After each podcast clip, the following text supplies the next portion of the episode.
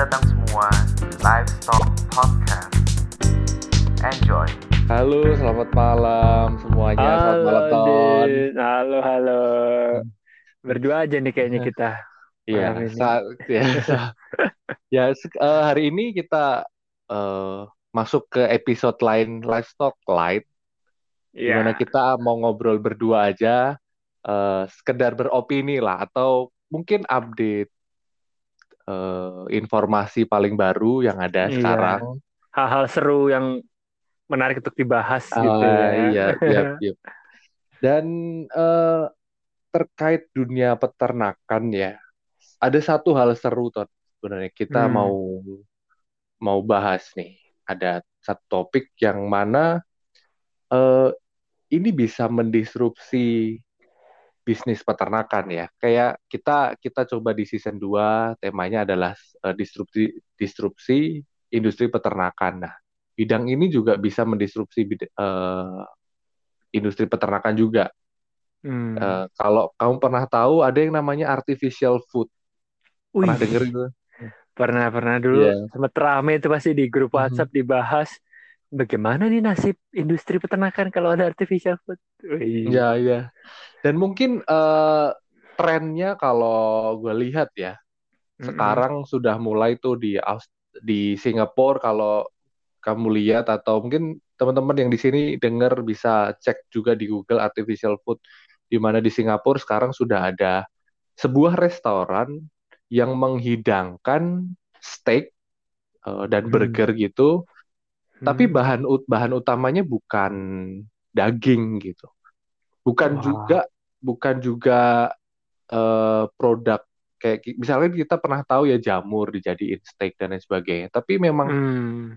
eh, patty-nya itu di o- diperoleh dari sebuah proses laboratorium di mana eh, ada mereka mengculture bakteri yang bisa menghasilkan protein-protein yang mirip dengan yang ada di daging. Eh, Wah. namanya apa? Masih inget tuh namanya? Eh, Hmm. ya itu. Kayaknya aku harus Eh, iya. itu buka harddisk lama itu. Iya. Iya. Mi, ya karena out, eh, daging biasanya mio ya. Mio. Heeh. Ya, protein yang ada di daging, yang ada di otot, semuanya ternyata dengan teknologi sekarang itu bisa dihasilkan di dalam lab. Iya. Dan hmm, ya menurutku ini kita bisa bisa jadi salah satu yang mendisrupsi dunia peternakan juga. Karena Hmm. kalau kita tahu em, sebenarnya isu-isu yang sering diangkat di di industri peternakan ya lebih ke em, masalah animal welfare, masalah em, environment, bagaimana kalau peternakan sapi itu menghasilkan gas metan yang bisa menghasil eh, menyebabkan efek rumah kaca, kemudian eh, penggunaan air yang begitu tinggi, Eh, ya itu yang menyebabkan beberapa ilmuwan mulai coba-coba nih Iya. Iya. menghasilkan makanan yang menduplikasi produk peternakan tetapi dengan Hmm. cara di laboratorium. Menurut lo gimana Ton Eh, dengan adanya artificial food itu? Iya, artificial food sih eh, kita lihat sekarang itu rasanya masih masih belum ya karena kayak mikirnya nanti eh, bisa pasti nggak belum tentu bisa lah menggantikan 100% tapi ini juga bisa menjadi jalan keluar kalau memang kebutuhan protein itu demand-nya jauh lebih tinggi dibanding ketersediaannya itu bisa jadi opsi jalan keluar gitu. Tapi uh, kayaknya apa ya em, dalam waktu dekat sih belum bisa menggantikan ya. Mhm, Tetap mhm. butuh yang benar-benar dari hewan, dari tumbuhan pasti tetap tetap tetap nomor satu lah yang di- Mhm. dipakai. Tapi sebenarnya sih itu menarik ya, tapi bukan dalam rangka menghapuskan kebutuhan daging 100%. Tapi bisa jadi itu ya tetap memenuhi kebutuhan manusia jadi jalan berdampingan gitu. Yang dari sapi asli tetap ada hal-hal seperti itu. Yang artificial food tetap ada. Pastinya kan harganya juga beda gitu. Pasti nanti ya, ya, uh, uh, nah itu juga jadi filter lah mana yang mampu membeli artificial food itu Mhm. atau nyaman dengan artificial food ada juga yang lebih nyaman dengan yang ya original food yang konvensional ya. konvensional seperti sekarang Iya, gitu iya. Ya menurutku juga eh, karena sekarang teknologinya sudah ada dan dan itu berarti makanannya pun sendiri sudah ada. Tetapi untuk eh, penggunaan jauh lebih besar mungkin benar katamu sih setuju bahwa eh, tidak dalam waktu dekat ini atau at least tidak pada generasi kita lah. iya Karena eh, mungkin bisa kita bayangkan kalau kita di depan kita di, dihidangkan sebuah makanan dan eh, kita diberitahu bahwa ini makanan rasanya persis sama daging, teksturnya sama persis dengan daging, tapi ini dibuat di lab loh. Apa sih rasanya? Pasti ada semacam eh apa ya keanehan. Maksudnya apa sih canggung Iya. ya tadi ya? Kayak oh, ini Heeh. daging beneran eh, bukan daging, daging tapi bukan daging. Mungkin itu yang akan akan masih menjadi satu hambatan untuk artificial food eh, di generasi kita. Tetapi tidak menutup kemungkinan di generasi setelah kita, anak-anak kita, cucu kita Iya. eh, memungkinkan banget kan itu. Mm-mm. Hmm. Wah, iya Ya. sih. Susu aja juga udah pernah di soundingan tentang ini loh, artificial foodnya. Jadi ya bisa membuat seperti persis seperti susu dari laboratorium. Hmm. Ya memang eh, diakui sih ilmu pengetahuan terus berkembang dan itu bagus. Kita bisa tahu, bisa menciptakan hal seperti itu. Tapi eh, segala efek sampingnya juga harus dipertimbangkan lah. Ya, iya, iya. Eh, dari sintetis bahan kimia ya jangan sampai juga ada efek sampingnya ke tubuh gitu kan harus dipertimbangkan juga. Iya, dan kalau kalau nggak salah memang susu kalau secara logika kita pikirkan susu sebenarnya yang paling mudah untuk di Hmm, di artificialkan ya karena iya, lebih eh, karena kita cuman sebenarnya cuman menduplikasi apa aja sih senyawa yang ada di dalam susu. Beda dengan Iya. daging kan. Kalau daging kan mesti bikin teksturnya mesti kayak daging. Kalau kalau Iya. yang pernah doku, eh, film dokumenter yang pernah aku tonton sih eh, rasanya mungkin sama seperti daging tapi teksturnya entah kayak jelly lah atau apa karena Hmm, tetap beda lah ya. tetap Gigit beda betul. gigitannya tuh beda Mm-mm. rasanya di mulut ya. Iya, gitu. Cuman kalau susu kan eh, senyawa utama susu mungkin ada laktosa, ada Hmm, eh, laktoglobulin, ada globulin dan lain sebagainya ya. iya. Lah yang Yang sekarang mana udah ada aja kental manis itu aja udah kayak artificial kayak artificial Iya. susu. terus- iya. Ya rasanya udah buatan banget. Iya. Oh, gitu lah. Jadi Hmm. inilah eh, artificial food Hmm. ya tidak dalam waktu dekat lah ya. Ya, biar, biar. Tapi tidak, tetap tidak menutup kemungkinan bahwa ini salah satu hal besar juga yang akan mendisrupsi eh, industri peternakan ke depannya ya. Hmm, iya. Either kita mau eh, deny about this thing, akan maksudnya kita menolak Mm-mm. bahwa eh, oke sesuai ethical, sesuai ini tidak sesuai dengan norma yang ada di dalam kebudayaan kita misalkan. Oke, oke, iya. Tetapi eh, kalau kita mau lihat jauh ke depan, hal ini akan berkembang, terutama dengan eh, orang semakin adanya gerakan-gerakan terhadap eh, lingkungan, kelestarian lingkungan, Hmm, kemudian iya. eh, animal welfare. Nah, itu justru menjadi tantangan kita di industri peternakan, gimana caranya menghadapi isu-isu yang di, disampaikan itu sama ya. ya heeh. digaungkan. Misalkan tadi terkait animal welfare, eh, kita mesti tingkatkan ya mau eh, mau tidak mau kita harus akui bahwa eh, dalam animal welfare terutama di industri peternakan kita mungkin masih ada ruang yang cukup untuk ditingkatkan. Ya. Ya, demikian pula kalau masalah environment, gas metan, eh, Wah itu penelitiannya nggak habis-habis itu jauh dari zaman Oh, kita iya. kuliah sampai sekarang pasti ada satu penelitian yang membahas bagaimana menekan produksi gas metan baik dari pakannya ataupun Mhm. saat keluar jadi pupuknya. Wah itu eh, dari dulu sampai sekarang pasti ada aja yang penggunaan daun daun-daunan, ada yang penggunaan ba- bakteri, Iya. macam-macam lah itu pasti Mhm. ada aja. Pasti terus Iya, ada betul, dan betul. gas metan bisa dikurangi dan ya men- alasan untuk mengembangkan artificial food lebih cepat juga uh, berkurang dan akhirnya Mhm.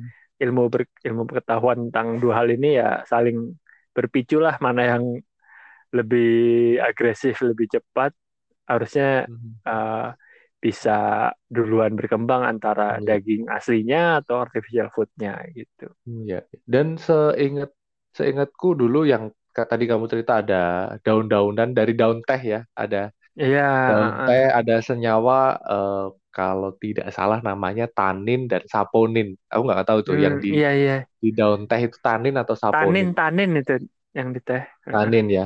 Iya. Ya memang ketika idenya adalah eh, tanin si tanin itu bisa membungkus protein eh, pakan sapi sehingga dia bypass dan protein itu tidak Hmm. digunakan oleh bakteri. Eh, ya, kegunaan pertama adalah protein itu bisa digunakan langsung sama sapi. Kedua, protein itu tidak digunakan bakteri untuk fermentasi. ya. Eh, dia dan menghasilkan gas metan lebih banyak. Jadi ada dua keuntungan yang didapat dari penelitian itu dan menurutku itu salah satu hal yang bagus juga eh, di industri kita sehingga kita bisa bilang bahwa kita tidak membiarkan eh, industri Hmm. kita merusak bumi, tapi ada usaha-usaha yang kita lakukan untuk eh, untuk memperbaiki industri ini dengan eh, tetap tetap melestarikan eh, kesejahteraan umat manusia di masa depan gitu. Iya. Wah, ini sih memang menarik sih eh, dan tidak menutup kemungkinan kalau nanti itu sudah sangat umum untuk diteliti dan digunakan ya perusahaan-perusahaan peternakan bisa jadi juga mengembangkan hal itu nggak sih? Jadi mereka kan intinya perusahaan pangan ingin memberikan pangan eh, ya kepada rakyat Indonesia lah. Terus melihat perkembangan ini dan ini ternyata laris ya kenapa enggak kita ya jalan dua lini bisnis Mhm. gitu yang asli yang konvensional dan juga eh, yang artifisial mungkin dua-duanya juga ada pasarnya masing-masing gitu ada pasar Iya, iya. dari pasar beceknya mungkin yang tetap ingin konvensional lalu yang Iya, iya. mungkin yang ya horeca atau hotel-hotel bintang 5 juga mulai bisa menyerap artificial food mungkin sih gambarannya segmentasi nanti kayak gitu Iya, iya, benar-benar. Dan ini salah satu eh, bidang indus apa bidang keilmuan yang setauku di salah satu universitas di Belanda sana yang Mm-mm. ini jadi con- concern juga karena kemarin eh, ini di Wageningen ya kemarin waktu aku cari-cari eh, Instagramnya Wageningen ada salah satu yang muncul juga eh, tentang ada satu account Wageningen tentang eh, belajar eh, terkait artificial food ini. Jadi mungkin Hmm. kalau ada teman-teman yang tertarik gitu bisa ini menurutku artificial food juga salah satu bidang yang menarik juga ya Iya. karena tadi biar bisa tandem dengan eh, industri yang sebenarnya industri peternakan dalam tanda kutip yang sebenarnya Hmm. gitu. Iya. Tadi ngebahas tentang apa? Industri atau mata pelajaran atau apa? Fakultas yang membahas mempelajari tentang artificial food ini rasanya ini baik ya kalau teman-teman yang di kelas 3 SMA gitu terus tahu hal-hal yang terupdate seputar industri gini dan dia jadi tahu arah tujuan mau kuliah apa gitu sebenarnya baik ya kayak kayaknya Hmm.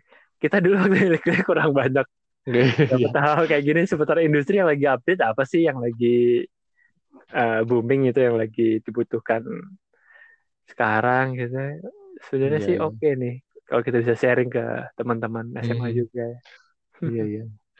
Tapi kalau menurutmu Ton yang makan artificial meat katakanlah, dia tetap dikategorikan vegetarian bukan ya? Wah, kayaknya Belum vegetarian. didefinisi, belum Iya. didefinisikan kali ya itu ya. Eh, eh, kayaknya nggak bisa deh. Dia udah udah eh, kurang tantangannya gitu kayak lah udah ngeras udah tetap tetap makan daging dengan segala rasa dan konsekuensi Rasa. yang didapat. Iya, Sebenarnya iya. kalau artificial food itu harusnya kan kolesterolnya juga ada gitu ya, harusnya lemak-lemaknya juga ada juga sama.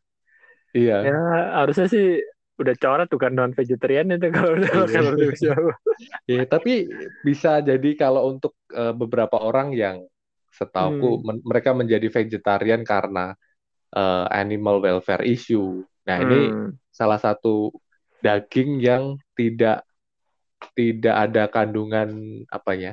iya. Kandungan yang menyalah menyalahgunakan kewenangan manusia saat memelihara hewan tersebut. Iya, oke. Tapi bicara tentang animal welfare kok dari dulu tuh emang saat awal ku denger itu terus anis- isu animal welfare berkembang antara semata-mata benar-benar peduli sama hewannya atau di balik itu ada kepentingan bisnis loh, Dit. Jadi Iya, ya memang wah digaungkan animal welfare lah biar supply bisa ditahan, demand-nya naik, akhirnya harga bisa tinggi gitu-gitu. Mhm. Jadi kemarin sempat ini ada aja yang mau di isu yang dikeluarkan supaya ada kepentingan bisnis di baliknya gitu sih. Tapi di luar itu animal welfare juga penting sih ya. Nggak boleh Iya. sembarangan lah kita memperlakukan hewan. Iya, kalau aku kit- eh, pernah eh, baca biografinya Temple Grandin. Hmm, Jadi Temple ya. Grandin adalah seorang profesor wanita di eh, dari Universitas Colorado USA. Di mana Oke. dia juga salah satu eh, pakar autistik ya, kalau nggak salah. Hmm, ya. Ada film dokumenternya, ada bukunya juga, dan waktu itu perusahaan tempatku bekerja sempat didatengin sama si eh, Temple Grandin. Ya dia Hmm. bilang eh, eh, dia dia sangat concern dengan yang namanya animal welfare. Dia bisa merasakan apa yang dirasakan oleh sapi yang ada di kandang.